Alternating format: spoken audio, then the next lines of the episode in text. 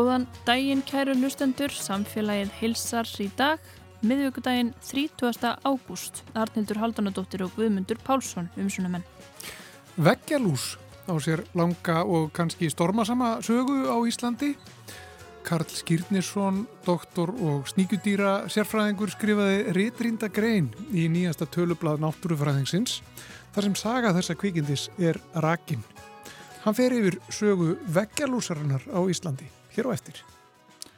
Og svo ætlum við að kíkja heimsóttn í Matís, þar er starfrætt sérstök skinmatstild þar sem þjálfaðir starfsmenn smakka á hinn og þessu og meta bræðilegt og áferð og við ræðum við aðalheiði Ólafsdóttur skinmatstjóra Matís um hvernig þessari aðferð er beitt og til hvers. Svo kemur þetta Olgudóttir til okkar í sitt vísindarspjall, hún kemur hingað í lók þáttar. En við ætlum að byrja á veggjalúsinni.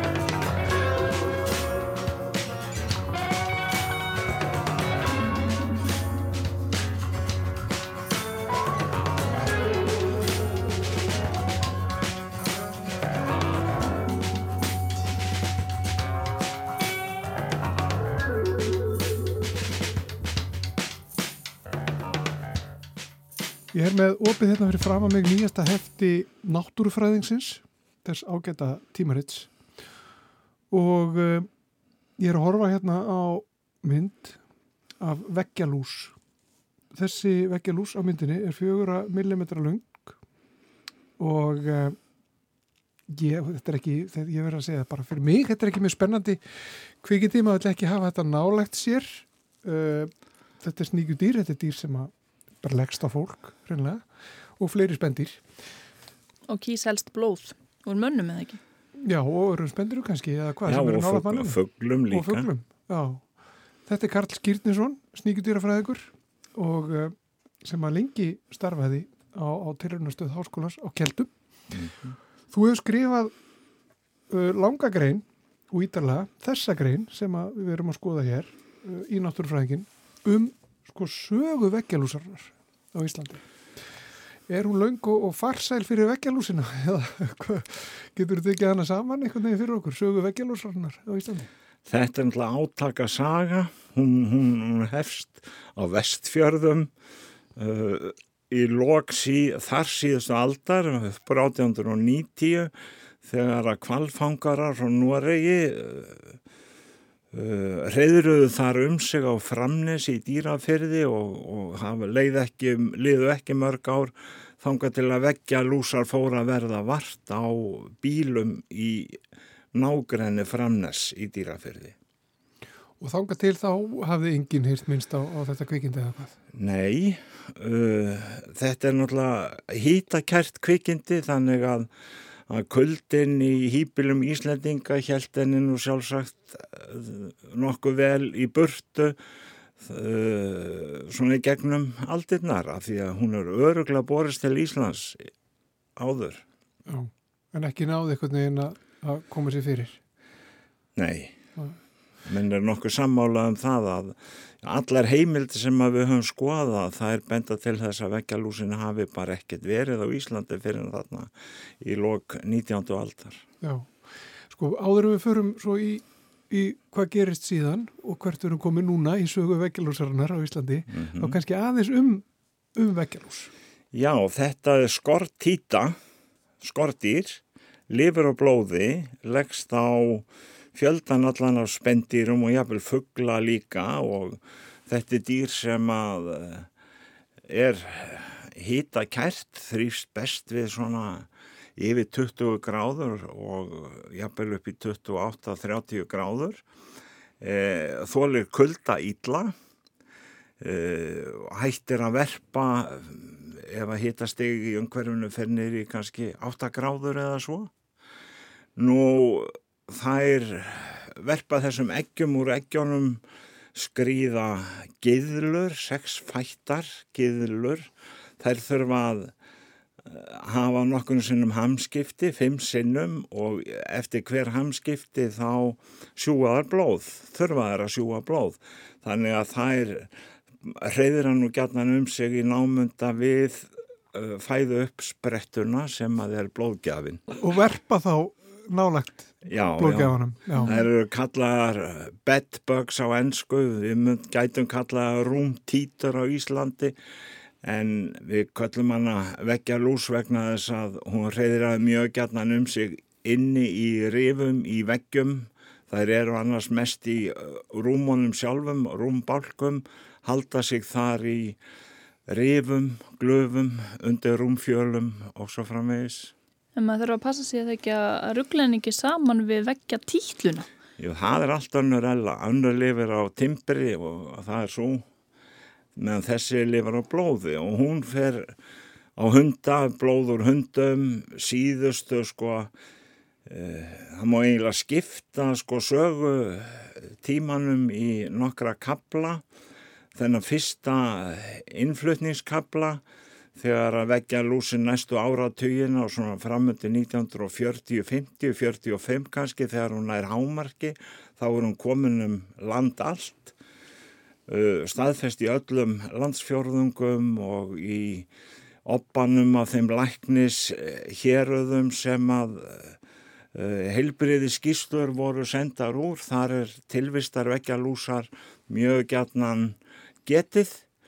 Nú síðan kemur DDT fram og uh, um 1944 þá förum að slást við þetta kveikindi með DDT með eiturhernaði og þetta verður til þess að á bara nokkrum árum verður algjör viðsnúningur. Uh, var til þess að vekja lúsin kvarf hérna nokkurn veginn sko þegar að leið daldi vel fram yfir miðja síðustu öll um, 1980-90 þá er, er hún sára sjálfgæf en síðan er það þegar að uh, svona undir lokaldarinnar með auknum ferðalögum bæði heimsóknum okkar til útlanda og heimkomu okkar með þetta í farteskinu sem og ferðalanga þá fer þetta að aukast á Íslandi um, um hérna, já fyrir svona 20 árum þá er, þá töldu meindir að eða Reykjavík að væru hérna svona kannski 20 tilvík á 10 tilvík á ári eða eitthvað slíkt. Um, núna skiptaði væntanlega hundruðum tilfellin sem að meindir að eða landsins er að slást við á hverju ári.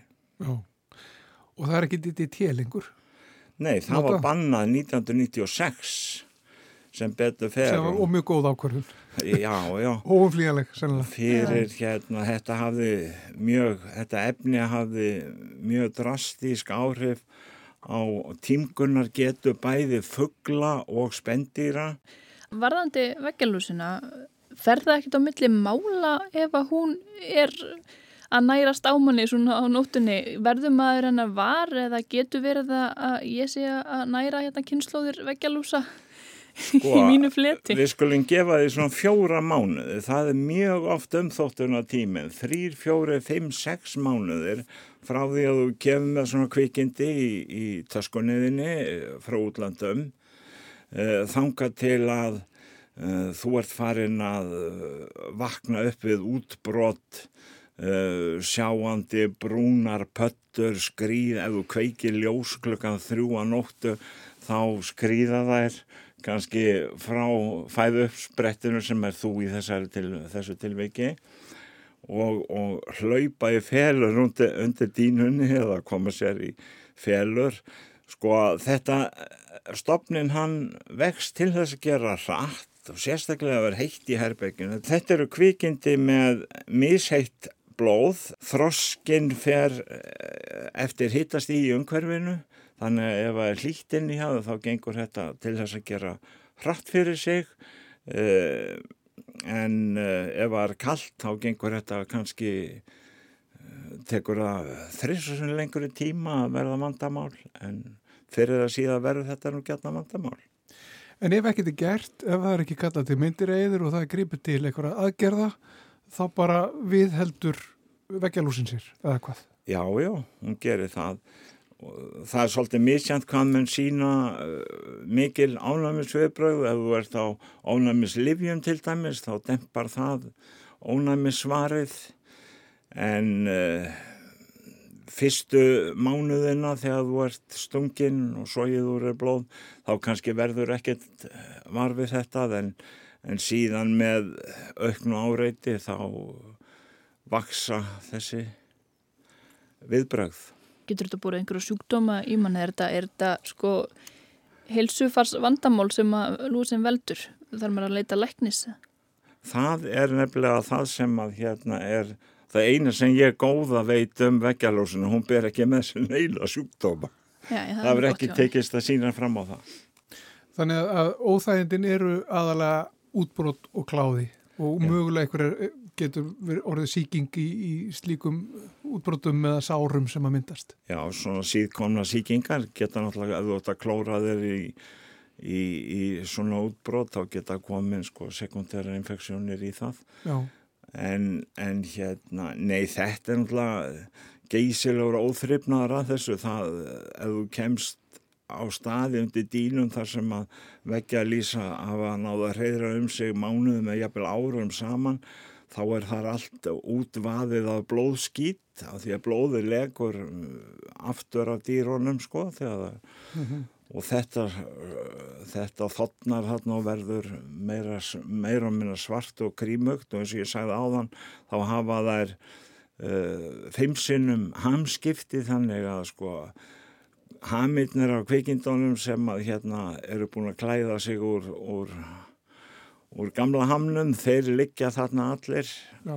þetta er svona kítinhjúpar og, og þetta verður svolítið ókræsilegt allt saman. Já, og þetta er ekki kræsilega lýsingar hjá þér. Þetta er, kannski hefði þetta sett út viður hann liggur fyrr Nei, er ekki best að, að bara reyna að gæta orða sín. Tala fallegu sko, hliðarnar á þessu. Hvað er maður að gera? Er, er eina leiðin að kalla til meindýra eði eða eru einhver svona einhver heima, einhver húsráð Er einhver matarsóti sem er hægt að Nei, ég sko, þetta var alveg rosalegt vandamál í áður en að virk eiturefni komu fram. Og þetta var þannig fyrir hundra árum stundum rífum en hreinlega gömul uh, timburhús og byggðu ný vegna þess að menn bara ríðu ekkert við kvikindið sem að Já og eh, efnin sem að þeir voru að nota voru sko mjög drastísk það er best að kannski að fara ekkert alltaf mikið út í það, benda fólki á það að, að greinin þessi sem við erum að tala um og, og Guðmundi lísti hér í upphafi hún er í opnum aðgangi í náttúrufræðingnum þannig að, að ef ég auglýsi náttúrufræðingin uh, svo litið hér þá þá geta menn hérna farið þarna inn núna og, og lesið þetta í smáatriðum og ég get sparað með þessa stórkallalegu lýsingar. Það er hérna sko, það er farið í efni og útrýmingar aðgerðir á, á ákveðnu tímabili. Það er útrýmingarsaga úr Kópaví. Já, það er heima frá mér. Sem fylgir hérna sem er heima frá mér. Nú, þannig að þú hefur persónulega reynslu. Já, já. Það er nefnilega það. Þú uh, vakti það, kveikti það sérstaklega áhuga þér, það er ekki, það er ekki ástæðan fyrir þú fórst í, í sníkjutýra Nei, þetta skeiði miklu síðar sko, ég byrjaði í sníkjutýra rannsóknum uh, sent á síðustöld sko, Já. 1987 þá byrjaði ég að vinna upp á keltum við sníkjutýra rannsóknir og skúkdómar rannsóknir Neini, þetta skeiði 20 árum setna eða eitthvað þegar að hérna drengurinn minn fór í, í, í hérna, hljómsveitaferðala og kom með þetta heim til sín og það tók, þetta er fróðlega lesning ef maður vilja skoða það því að það tók okkar alveg heilt ár að eh, náða ráða niður lögum á, á, á þessu uh -huh. kvikindi og, og fimm, e, við eiturum fimm sinnum sko en okkar tókst að yfirbuga kvikindi. En hvernig er fyrir, fyrir sníkjudýra fræðingin einhvern veginn að, að upplifa þetta? á einn skinni bókstaflega. Er er það áhugavert fyrir þig? Finnst þér þetta spennandi þegar þetta er að gerast? Þú vantalega gert þig grein fyrir því strax um hvað máli snýrist. Það er nú gætnan sagt að, að sko það sé alltaf sprungna perur heim hjá rafiskum. það tók mig nú taldin nokkuð góðan tíma að átta mig á hvað, hvað var þarna ferðinni en, en það voru mjög snörp viðbröð þegar að hérna við vorum búin átt okkur á því hvað þarna var á ferðinni og það voru náttúrulega Uh, ég hvet með bara til þess að lesa þetta í smáatinu, þetta er allt og langt mála að fara að lýsa því en, en það leiði eiginlega ár þangað til við vorum vissum að við hefðum hérna náða að losa okkur við kvikindi Þurft að henda rúmunu? Og... Já, já, já, já og, og það var ekki spurning sko og uh, síðasta porsjónin af lifandi veggjalúsum uh, taldi ég að hefði komið út og rammags rörum sem að þeir hafðu farið inn í. Þannig faraði gætnan á milli hæða í fjölbíðishúsum. Út svona samar. Já, þetta er, má segja það. Já, sko þetta er viðmikil grein og þetta er rétrind grein. Já. Þetta er, þetta er bara alvöru vísinda grein. Já, já. Um, er þetta mikil vinna sem að leikur hann að baki að skrifa svona grein? Já, já, þú ert, uh, þú saman, sko ég byrjaði á þessu uh, að, að sapna gögnum um, um þessa hluti sko fyrir kannski 20-30 árum þegar ég komst í heilbriði skýslur landlæknisembættisins. Því að þar er þessi saga meira minna rakin og, og ég vinn gömlu heimildirnar þaðan. Þá var ég að skrifa um sko sníkudýr, manna sníkudýr að fornu og nýju. Bókakabli sem að byrtist hérna á Norðurlandum í, í bókum um sníkudýr, manna sníkudýr á fornu og nýju hérna á Norðurkveli og ég lagðist yfir þessa heilbyrði skýslur og, og rakst þá meðal annars á alla þessa vekkjaljótsa uh, upplýsingar og þetta er en að skrifa svona, það getur ekki alveg halva á mánuð það er að gagnasöfnunni. eh, það er þetta að skoða þessa grein á vef náttúrufræðingsins náttúrufræðingurum.is mm -hmm. takk hjá alveg fyrir komuna Karl Skýrninsson sníkjudýrafræðingur. Gott að fá því heimsókn en um, daldið svona, já, þetta er umvöksunarvert og, og við erum svona mjög frólægt mjög fróðlegt Nú fer ég að skoða gumkæfilega rúmið mitt og öllum, öllum gistiheimilum og hótelum sem að ég Ef þú sér litla blóðbletti svona þegar þú liftir kottanum eða dínunni frá þá, þá ertu heit. Já. þá ertu heit. Takk fyrir komuna, Karl Skýrninsson Við leggjum ekki meira á hlustendur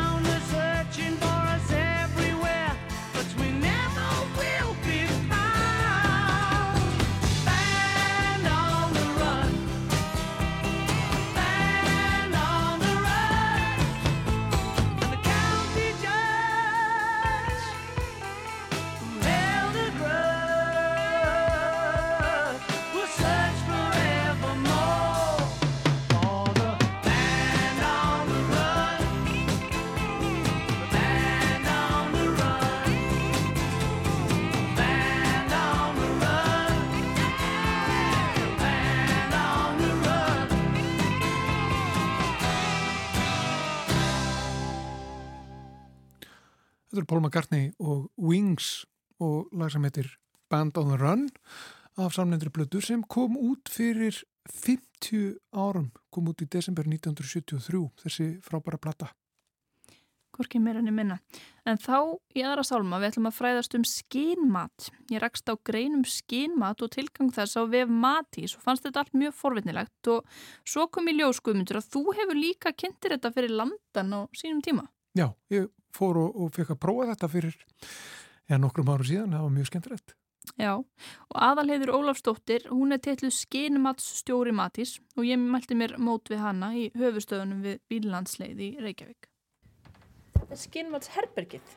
Þetta bara- Herbergi Matís, já. já. Hérna vinn ég. Hvernig myndir þú lýsa þessu herbergi? Uh, þetta herbergi er hanna þannig að uh, það verður svona sem minnst trublun fyrir skinnmatið á meðan það er í gangi. Veggirnir eru svona gráir, þetta er kannski ekki mjög spennandi, það er ekki margar myndir á veggjum og það eru hérna básar sem að skinnmatsdómararnir setjast á þegar þeir meta sínin og við erum með uh, hvít ljós sem að trublar ekki litin á síninu og uh, hér er líka yfirþrýstingur á lofti þannig að öll lykt fer út úr herbygginu en það kemur ekkert inn þannig að það er svona í rauninni allt gert til þess að það verði sem minnst trublun fyrir skemmastómaran á meðan þeir eru að meta sínin. Því að allt annað sem við skinnjum, kannski skæri litir eða eitthvað áhugavert ljós, það gæti haft áhrif á hvernig fólk metur sínin. Já, það getur allt haft áhrif á það hvernig við metum sínin. Þannig að hvort sem það er hérna hljóð eða, eða utanakomandi lykt eða trublun frá öðrum dómurum, þá, hérna, þá getur allt haft áhrif. Þannig að það er allt í skilmati, allt í framkvæmt skilmats, miður að því að það verði sem minnst trublun fyrir dómarana.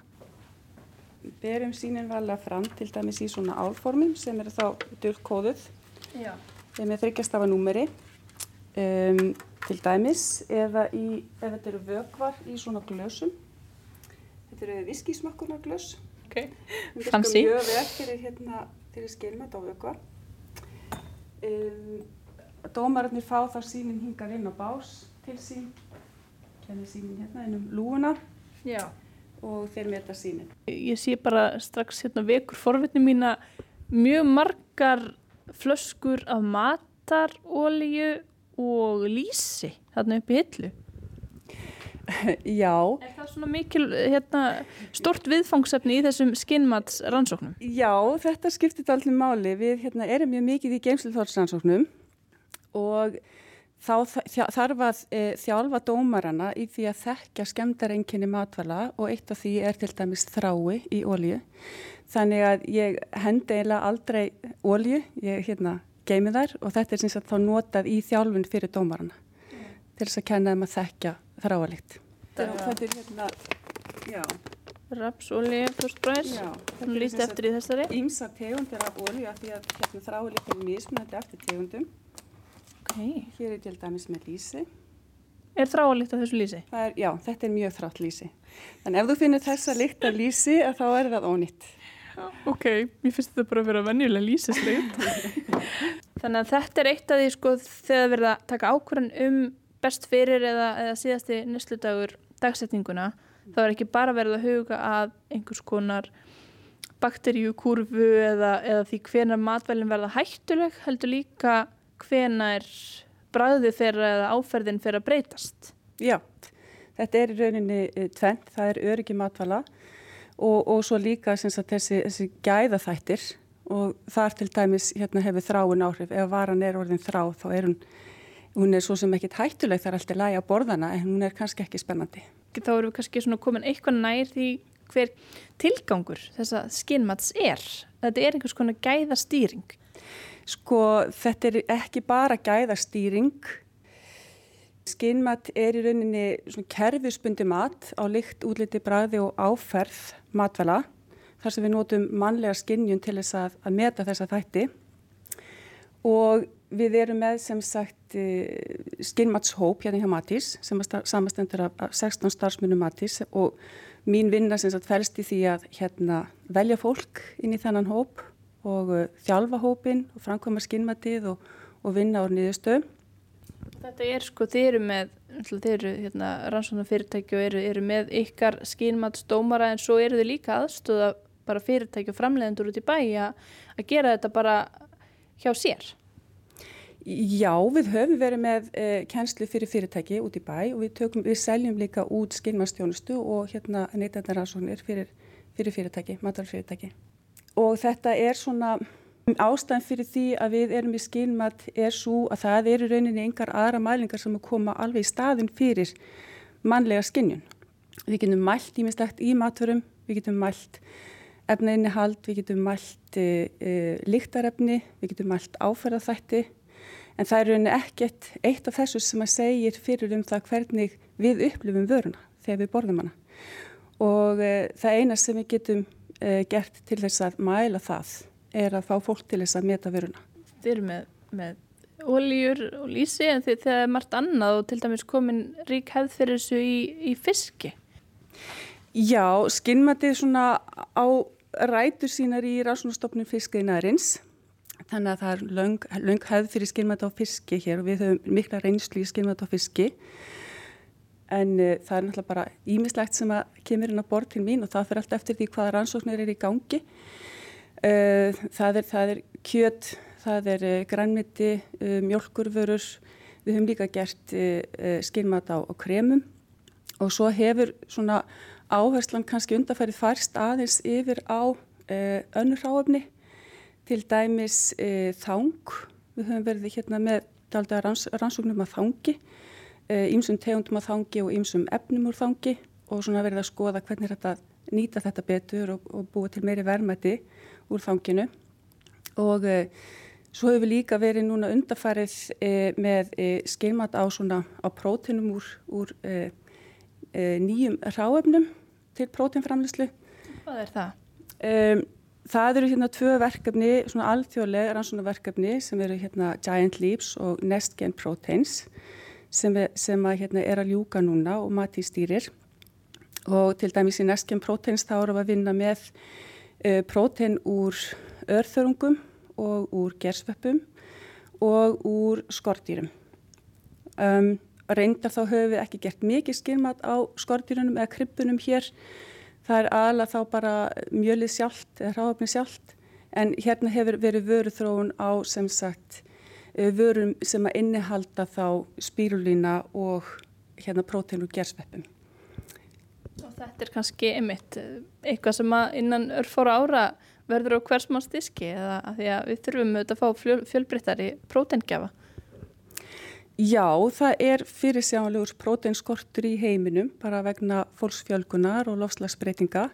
Þannig að þetta er hluta því að, að skoða ný uh, ráefni til matvaraflamislu sem próteingjafa. Það eru hérna þessir básar og hér sitja uh, skínmats sérfræðingarnir, eða ekki? Eða ski, skínmatsdómararnir bara við tölvu og hér er hérna einmitt þetta hvita ljós og þetta minnir mér svolítið á aðstöðuna í svona námsferi, svona eins og þjóðubókluðinni, svona lítill bás fyrir hvern og einn og, og tölva. Snýst þetta bara um það að þeir smakki og segi, mér finnst þetta gott, mér finnst þetta ógíslegt, það er eitthvað skrítið bræða þessu. Eða er þetta fjölbreyttar en svo? Já, það er rauninni, við spyrjum uh, skimatshópinni yfirlt ekki um það hvað þeim finnst um vörurnar. Við, hérna, uh, við býðum þau um að lýsa vörunum, þetta er rauninni snýst um það. Þannig að við þjálfum dómarana í því að, að, að reyna að horfa fram hjá því hvað þeim er umverulega finnst um vörurnar og hérna, meta þær á, á hlutlegan hátt. Ef við viljum vita hvað fólki finnst um vörurnar þá þurfum við að spyrja neytendur. Og við erum líka með neytendaransóknir hérna hjá Matís. Þannig að þetta er í rauninni nokkuð aðskilið. Skinmatið er greinandi, við erum að lýsa vörunni, að hvaða leitur vörur frábrutnar hvor, hvor annari en ef við viljum vita hvað fólki finnst um þær þá fyrir við í neytandakannanir eða eitthvað, eitthvað slíkt. Þannig að fólk þarf töluverða þjálfun og, og svona í rauninni í þessu uh, ferli þarf að nálgast mat með allt öðrum hætti en það gerir við mataborðið heima hjá sér. Já, það er bara alveg hárétt og ég held að þetta breyti svo litið því hvernig fólk bara borðar. Þeir sem eru búin að vera lengi í skinnmatsóp þeir hérna kannski hugsa meirum hérna þar sem þar sem það borðar heldur en margir aðrir. Skemmir þetta upplifun á mat fyrir þeim kannski? Ég held ekki, ég held þetta bara reynilega bæti upplifuna mat. Og hvað er það sem að, hvers konar engunir gefur, gefur fólk, gefa skinnmatsdómararnir? Það er bara mjög misett eftir tilgangi rannsóknarinnar. Um, ég get hérna bara sínt þér. Já, kannski flott að taka bara eitthvað dæmi. Já, hér er til dæmis Nú spjöld. Enguna stígi fyrir mat á ferskleika og soðnu fiski eins og þorski, ís og ufsa. Og hér er þá engun frá tíu sem er mjög ferst og niður í þrjá og þá eru lýsingar og lykt og bragði fyrir hverja engun. Þannig að þetta er ekki geðjun, heldur þá er sem sagt þegar að fiskurinn fær tíu þá er, hann, þá er bragði vaskent og malmkent og það er döflikt að sætir í soðinni mjólk og sterkju. En svo þegar hann er komið með skemdarenginni eins og hérna súrmjólk, mjólkur síra, síra tema lykt, óbrað, þá er hann komið niður í hérna fjóra. En svo, já, en þetta er svona, svona ferskleika skali fyrir fisk. En uh, svo getum við til dæmis bara, við notum skala mjög mikið. Þannig að við getum til dæmis bara líst sætu bræði á skala, er sætt bræð frá ekkert uppi mikið. Og þá eins með alla, alla aðra bræðþætti eða alla aðra lyktarþætti. Þú veist, er varan uh, þurri eða safarík, segað meir og svo framvegis. Ég veit að kollegi minn Guðmundur Pálsson, hann hittiði fyrir tíu án síðan og, og fekk eitthvað að, að prófa sig í hlutverki skinnmatsdómara. Gæti ég eitthvað fengið að, að kanna svona hvernig, hvernig ég hérna, stæði mig í því? Það er bara alveg sjálfsagt. Hér er ég sem sagt með e, pröfur, hér eru lausnir sem að eru með svona grunnbragði. Við skinnjum sem sagt e, fimm tegundir af grunnbragði á tungunni og það er salt, sætt, súrt, beist og umami. Og svo er ég hérna líka með lyktarpröfur fyrir því, þú þarf nú kannski ekki að prófa allar. Grunnbræðspröfunar þær eru í svona svolítið stórum, glærum brúsum og lyktapröfunar eru í, í dollum, hvað innbakkaði í, álpapir. Já, bara af hverju er það? Bara svo þú sjáur ekki hvað er í þessu. sjálfsög, já. Það eru matvæli í þessu öllu, einhvers konar matvæli og hugmyndin er sem sagt að þú það lyktir úr glösunum og reynir að, að giska á hvað er í glasinu. Bara út frá lyktinni sem að mörgum finnst mjög aðrætt. Já, og ég og ég ekki bara byrja þá á, Við bara byrja hérna á, á bræðpröfunum. á bræðpröfunum, já. Þetta er í rauninni eins og þjálfun fyrir skilmastómara eða þá einmitt þegar að skilmastómara eru teknir inn í hópin þá skoðum við hversu næmir þeir eru á til dæmis grunnbrað og hérna og að lykt og hversu auðvelt er eiga með að lýsa lykt. Það skiptir líka máli. Ef við byrjum bara hérna á síni A. Ég helli hérna litlum sopa í glas við þig. Stöfla. Þetta myndi vera sætt bræð, svona eins og einhvers konar sigurvatn. Já, já. Og það breytist ekki þó takki fyrir nefið. Þá ég takki fyrir nefið. Því að lyktin hefur ekki áhrif á grunnbrafið. Já, mér fannst það þetta aðeins daufara sigurbræði þegar ég tók fyrir nefið. Ég veit ekki hvort það, Hér er annað. Mhm. Það getur líka verið vasslaust hann inn á milli. þetta er mjög ramt. Þetta er mjög ramt. Mm. Þér finnst þetta að vera mjög beist. Já, Já. Og ekki, sem... ekki gott. ekki gott, nei, mitt. En það eru sumir sem að hérna, smakka svona síni og, og halda að þetta sé vatn. Já. Og Guðmundur Pálsson þar á meðal. Það, já. að hérna, næmi okkar fyrir hérna grunnbrað og sérstaklega beistbrað er alveg ofsalega mismunandi. Og það eru svona kannski 1-2 af 10 sem að finna ekki semst beistbrað af koffíni. En hérna þetta er sem sagt þá bara koffín, reynt koffín blandað í vatn. Og til þess að verða skínmatsdómari, sko þarftu í rauninni að hafa einhverja afburða hæfni á þessu sviði. Eða er eru flestir sem gætu orðið skínmatsdómara með réttri þjálfun? Flestir getur það, já. Hvað tekur þjálfunni langan tíma hjá flestum? Það er svona við, kannski mið við svona þrjá, fjóra mánuði. Þá er orðin svona fullgildur skimansdómari, það fyrir eftir í hvað er mikið verkefni, verkefnum í gangi. E, að því það er alltaf þjálfað fyrir hvert verkefni og fólk þjálfast auðvitað upp bara með tímanum. Þannig að skimansdómara sem eru búin að vera lengi í hópnum, þeir eru, þeir eru mjög vel þjálfaðir og mjög hérna, góðir skimansdómarar. Ég ætla bara að giska á þetta sé umami ef ég veit ekki, ég þekki ekki bræðið. Þetta er pottit umami. Þetta er umami. Það ekki? Jú. Það er erfitt að lýsa þessu bræði. Ég, ég fundið það áður en það er, þetta er MSG, blandaði vatn.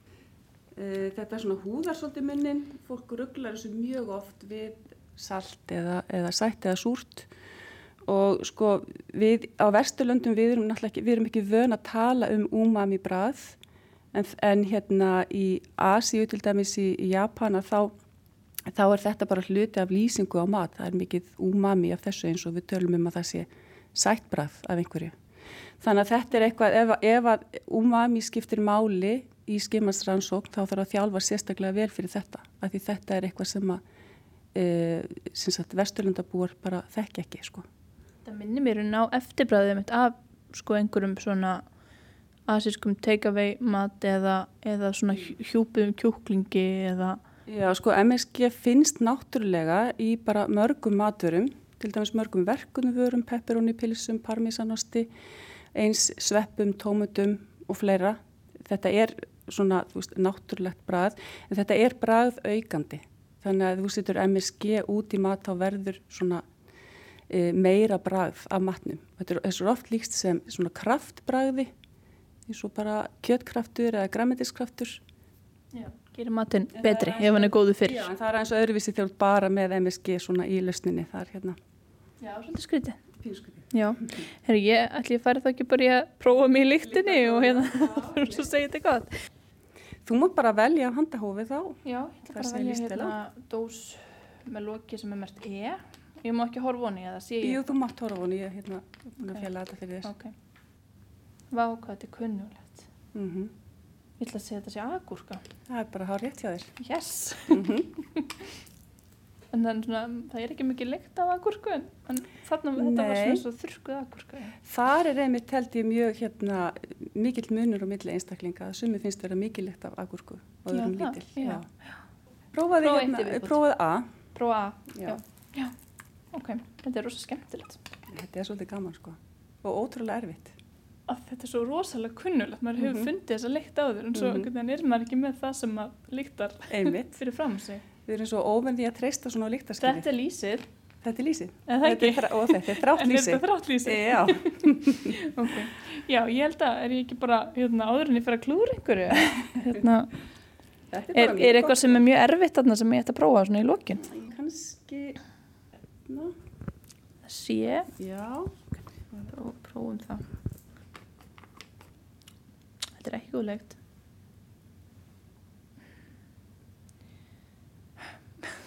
Þetta eru ólífur. Já, mjög gott. Þú mér, finnst, mér þú- finnast reyndar ólífur rosa góðar en ég veit ekki okkur mér finnst lyktin ekki góð. Nei, eitthvað súr. er það einu tannig sko. Já. Já, ég er bara mjög ánum með þetta. Já, ég líka, það stóðstu mjög vel. M- Mörgum finnst þetta mjög erfitt sko. Það er hérna að, að, að finna út hvað er í flöskunum sko. Og er eitthvað svona sem að þið hefur komist að því að bara eða öllum finnst ógeðfælt og bara gengur ekki að bjóða, bjóða fólki upp á. Þegar sumt fólk að fóða viðkvæmt fyrir einhverju áferð og það, það er svona er eitthvað sem skiptir fólk máli, er eitthvað svona sem að sem að hefur þurft að taka út bara því að skinjun fólks á því fær uh, fallengun. Þetta er náttúrulega bæði sko einstaklingsbundið, svona eins og áferðin sem mér finnst eh, áferð, eh, einhver áferð ógeðslega og meðan öðrum finnst það ekki. Þannig að það er óbúslega mikill einstaklingsmunur í því hvað okkur finnst eh, gott eða vond. Eh, En auðvitað, þú veist, til dæmis skemmdar bræði eða skemmdar lykt. Eh, Það er náttúrulega eitthvað svona sem að kannski fellir vörur og eins svona eitthvað, eitthvað auka bræð, eitthvað sem er bara á ekki heima í, í matvælum. Get, getur einhver litur hérna skemmt fyrir fólki eða gert, gert mat ólistugan? Sko útlitið á maturinn skiptir alveg ofsalega miklu máli og útlitið býr til vendingar um, um það sem eftir kemur um, hérna, um líkt og bræð og áferð. Þannig að það er sko meira það ef, ef sagt, útlitið er ekki í samræmi við vöruna. Þú veist, ef við dæmis, ef þið eru bóðið blátt pasta þá fara alla viðvöruna bjöllur í gang bara því við erum búin að læra það að pasta er ekki blátt á litin. Þetta eru huga dæmi yfir svona nýsköpun eða rettingu þar sem að vara sem að einhvern veginn þótti ekki aðlandi var það sem að henni var breytt þannig að skinjunin á henni var önnur og betri. Það er svona ekkit eitthvað eitt sem að mér dettur í hug en þetta eru þetta bara svolítið þar sem að vöru þróun snýst um og hérna e, til dæmis eins og í þessum þegar við erum að skoða svona nýrháfni eins og þessi, þessi prótein þá hérna geta þau haft veist, eitthvað auka bragð sem þarf þá einhvern veginn annarkvort, annarkvort þarf að vinna vöruna betur þannig að hún hafi ekki þetta auka bragð eða þá að samsetningin á loka vörunni sé þannig að, að auka bragðið hérna finnist ekki. Þannig að vöruþróun snýst oft dálítið einmitt um það að hérna að eh, losna við eitthvað svona sem að þykir óæskilegt í vörunni. En er megin tilgangurinn viðskiptalags eðlis í rauninni hvað er hægt að bjóða fólki? Uh, já, þetta snýst í grunninn um að, að bæta gæði fyrir neytendur og til dæmis eins og með þessar, hérna, um, þessar próteinríku vörur, þessi hráefni, þetta eru bara próteinrík hráefni, þetta er mjöl og, og fólk borðar mat, það borðar ekki prótein. Þannig að þetta snýst um að búa til mat úr þessum hráefnum og ekki bara mat, heldur góðan mat af því það hefur líka sínt sig að fólk er ekki tilbúið til að borða eitthvað sem því finnst vond bara því það er holdt eða næringaríkt eða, eða umhverfisvænt. Maturinn þarf að vera góður til þess að fólk vilji borða hann.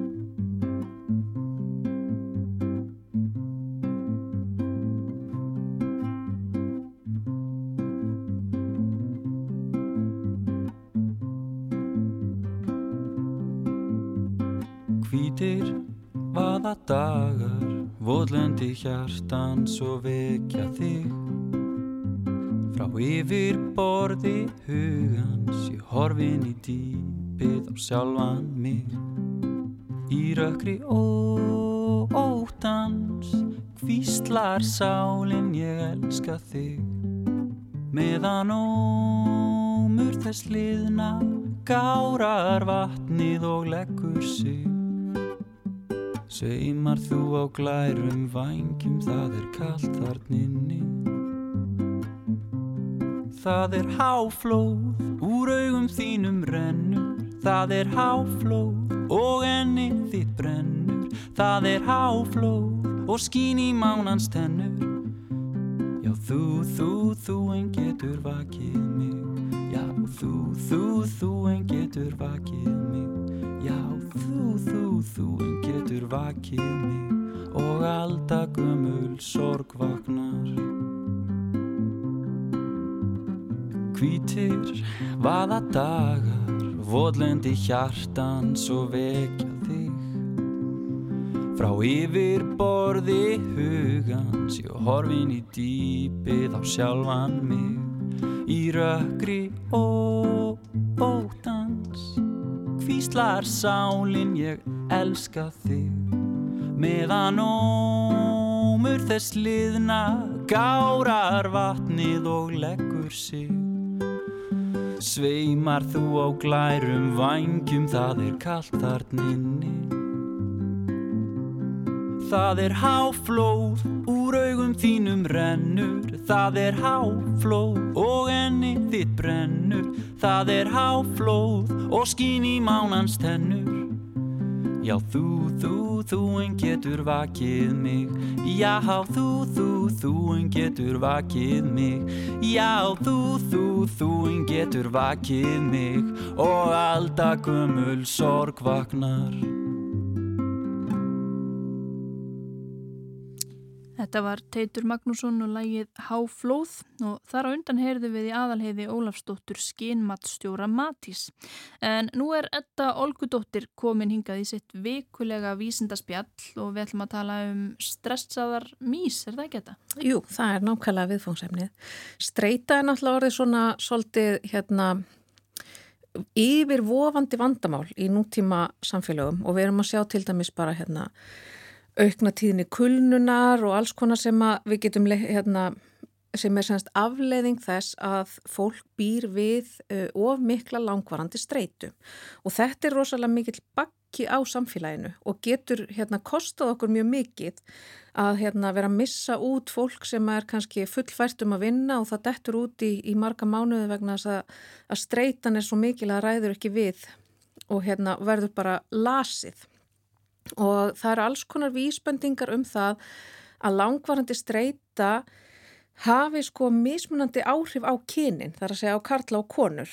Og hérna ekki bara það sko að hluta til er þetta náttúrulega félagslegt af því að hérna það er til dæmis oft talað um að kallar séu svona meira, þú veist, taki þetta bara á nefanum og, og kvenki sér ekki fyrir að þeir eru bara komnir í algjört þrótt og eiga þá rosalega erfitt með að, snúa tilbaka í vinnu.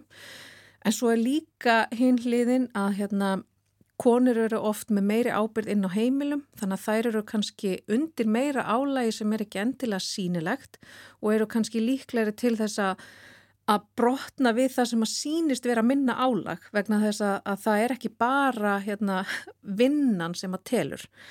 En, en burt sér frá því að þá er líka ákveðin svona mismunur í byrtingamind.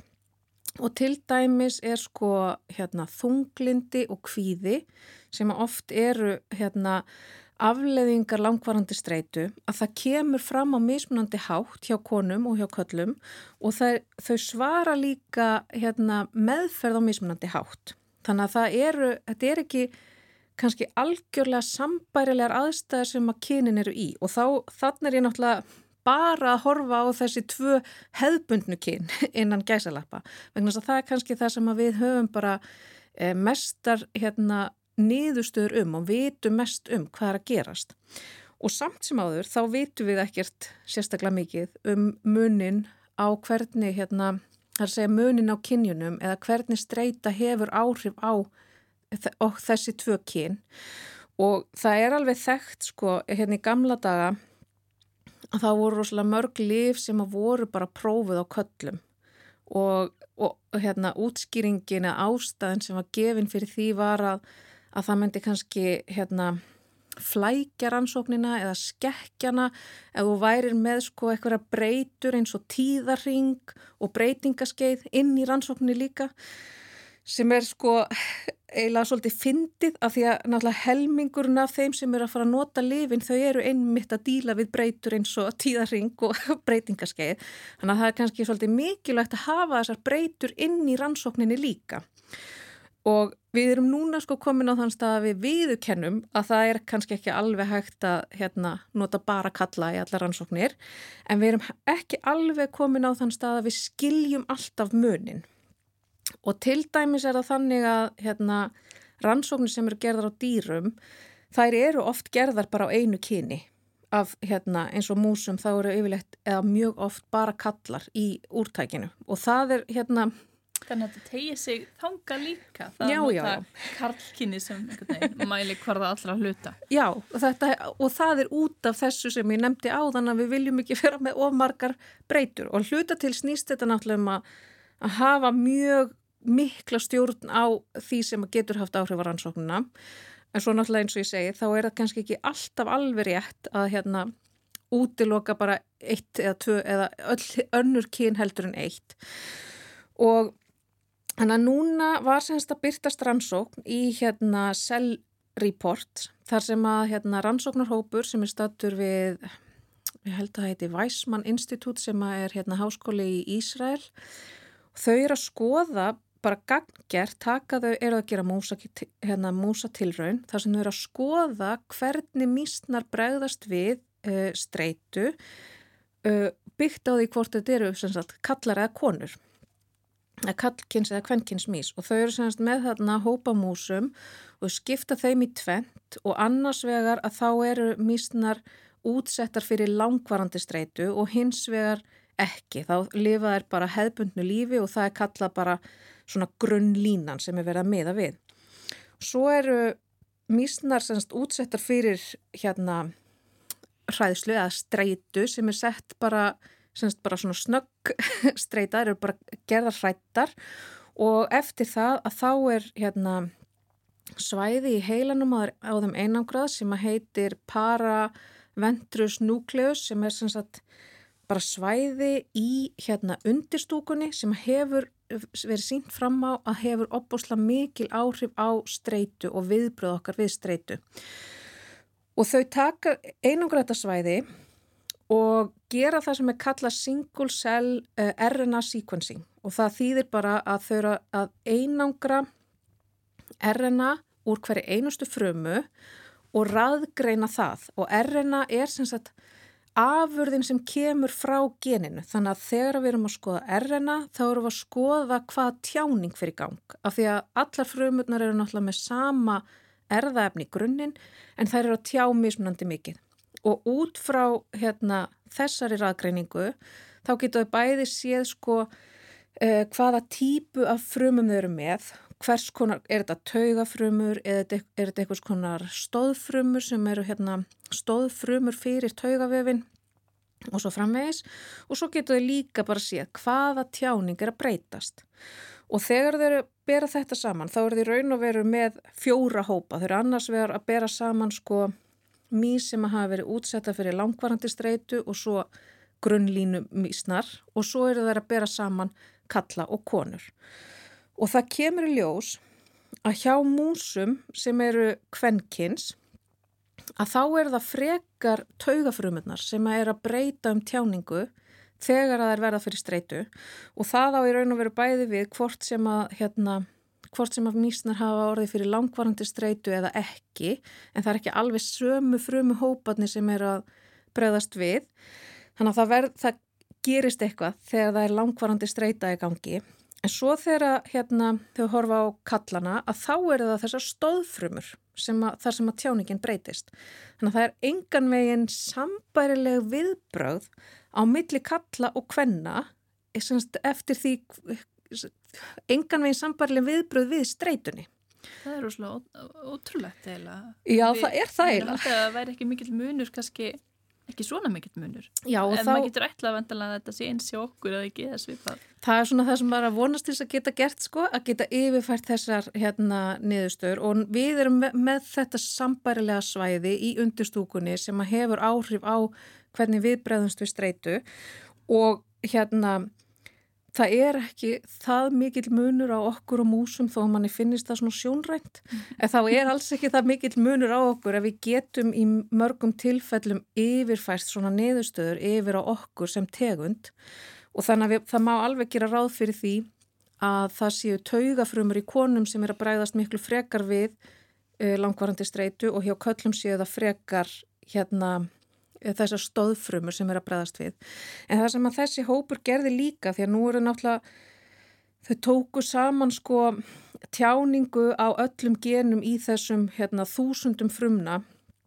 Og þau gáttu sko skipt frumu típunum upp í hérna 17 svæði. Þannig að þau eru með rosalega mikið af gögnum. Og þegar hérna þegar maður er með svona rosalega mikið af gögnum þá er stundum svolítið erfitt að, að hérna greina hvað er mesta hvað eru mestu upplýsingarnar þannig að núna er þetta gagnasafn orðið opinbert og var gert opinbert um leið og, og greinin var byrt þannig að aðri rannsóknarhópar sem að kannski hafa eitthvað hérna, eitthvað eitt gen í huga sem þau eru vilja skoða sérstaklega og hvernig áhrifin eru getur farið inn í þetta gagnasafn og þá skoða það tiltekna gen eða tiltekna svæði. Þannig að þannig er búið að búa til opbáslega stórt uh, magn af gögnum sem er hægt að notast við og, og, og fylgjast með og, og nýta í aðra rannsóknir. Já. Þetta eru spennandi rannsóknir eins og Mjög svo. allar rannsóknir sem þú segir okkur frá hér. í Alla Vísindastefnunni. vísindarannsóknir. Já, allar- það ekki. Og kannski bara allar hefur vísindaransóknir. skilning á þeim. Já, sjáum hvernig þessi vindur fram. Þetta Olgudóttir, takk fyrir komuna Takk fyrir mig. Og þannig ljúkuðu samfélaginu í dag. Já, það vist og verðum hérna aftur á morgun. Guðmundur og Arnhildur þakka fyrir sig. Verið Takk sæl. fyrir.